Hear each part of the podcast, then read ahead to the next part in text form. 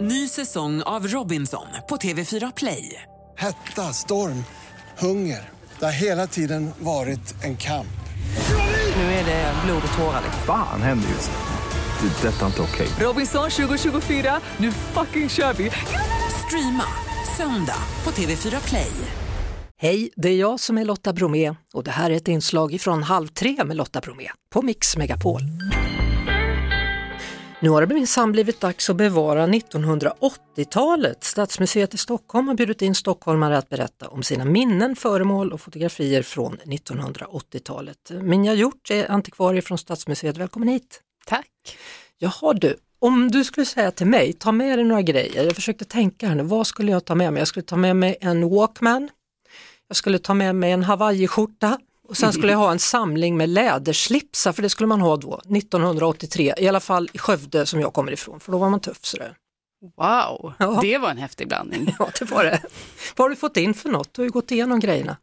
Ja, det har faktiskt varit just en blandning av saker, men ganska mycket faktiskt med eh, klädkoppling på något sätt. Skor, klänningar och eh, örhängen, smycken överhuvudtaget, flera stycken. Sen har vi fått eh, en Walkman faktiskt, en freestyle som man sa. Precis. En gul, sån här sportfreestyle. Ja, för den kunde man ha i närheten av vatten, den ja, minns den, jag. den ja. Mm. tålde det precis.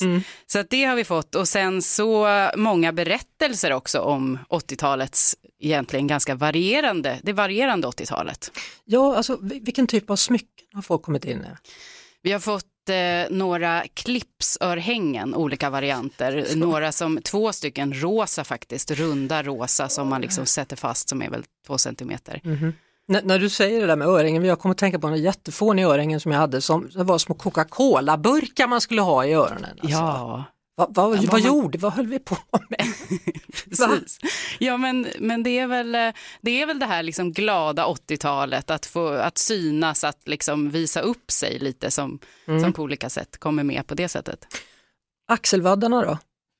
Ja, vi har inte fått in några än, men det är klart att de kommer. Alltså jag, Jag- vet inte, jag kan ju inte din ålder, var du född ens på Jag är 80-talet? född 81, så att jag var mest i, i parklekarna. Och Mm. Men vad hängde kul runt. för dig, då kan du få, få vara med om hur det var då. Jag får verkligen lära mig redan nu har jag lärt mig flera saker som hände på 80-talet. Men du måste förstå det här med axelvaddarna, det var ju inte klokt. Ja, det var ju, men de- de kunde väl liksom ramla ner också för att de var så stora så att man liksom var tvungen, man satte dubbla axelvaddar har jag hört. Ja, ja, ja. Ju, ju större desto bättre och Ja. sen så gärna f- liksom utöka på vissa axlar då. då.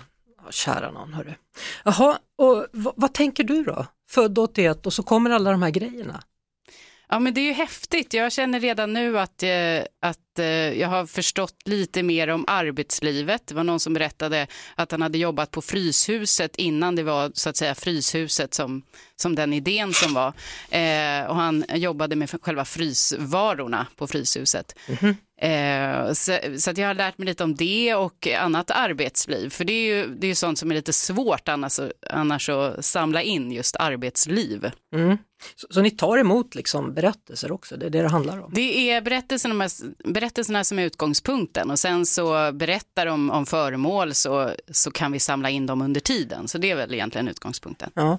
Du borde ju också skaffa dig då, eller be att någon lämnar in en Nintendo 8-bitars. Ja, det har vi fått eh, förslag om faktiskt. Men Så det är att- möjligt att folk håller hårt i dem, för de är värda mycket pengar nu för tiden. så Ja, och jag tror att de används också. Det gör de. Så att Säger 80-talet är ju inte historia riktigt. Nej. Mm. Och syntar måste du få in också, tänker jag. Ja, det är, det är någon som har eh, föreslagit syntar och en, eh, alltså, att man kunde göra olika ljud på någon slags maskin. Moog. Eh, som man tryckte ja, precis på, som jag inte hade sett själv faktiskt. Nej, men vad, vad känner du då? Är, det- är det kul?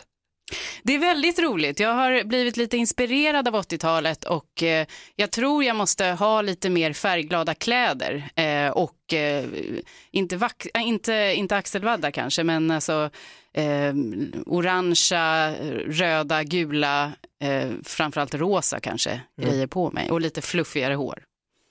När du säger rosa nu så minns jag helt plötsligt, åh herregud. Jag var inte så mycket för att ha kjol på mig, men en kjol hade jag, den var helt rosa och så var det någon rosa överdel och så fick man gå omkring i det här. Och permanentat hår var det också. Ja, Rakpermanentat, rakt Ja. ner och sen var krull längst ner. just det, den varianten. Tror att jag inte är stockholmare du. Ja, det är ju tur. Då, då kan vi inte samla in din berättelse, det blir tyvärr. inte min berättelse. Hur länge får folk lämna in grejer om de hör det här? Ja, vi ska hålla på till 2026. Åh, jäklar. så att man har väldigt god tid. Det har nog aldrig hänt att man har haft så här god tid. Men eh, gärna såklart eh, inom en snar framtid. Det var det. Vi hörs såklart igen på Mix Megapol varje eftermiddag vid halv tre. Ett poddtips från Podplay. I fallen jag aldrig glömmer djupdyker Hasse Aro i arbetet bakom några av Sveriges mest uppseendeväckande brottsutredningar. Går vi in med hemlig telefonavlyssning och, och då upplever vi att vi får en total förändring av hans beteende. Vad är det som händer nu? Vem är det som läcker? Och så säger han att jag är kriminell, jag har varit kriminell i hela mitt liv men att mörda ett barn, där går min gräns. Nya säsongen av Fallen jag aldrig glömmer på Podplay.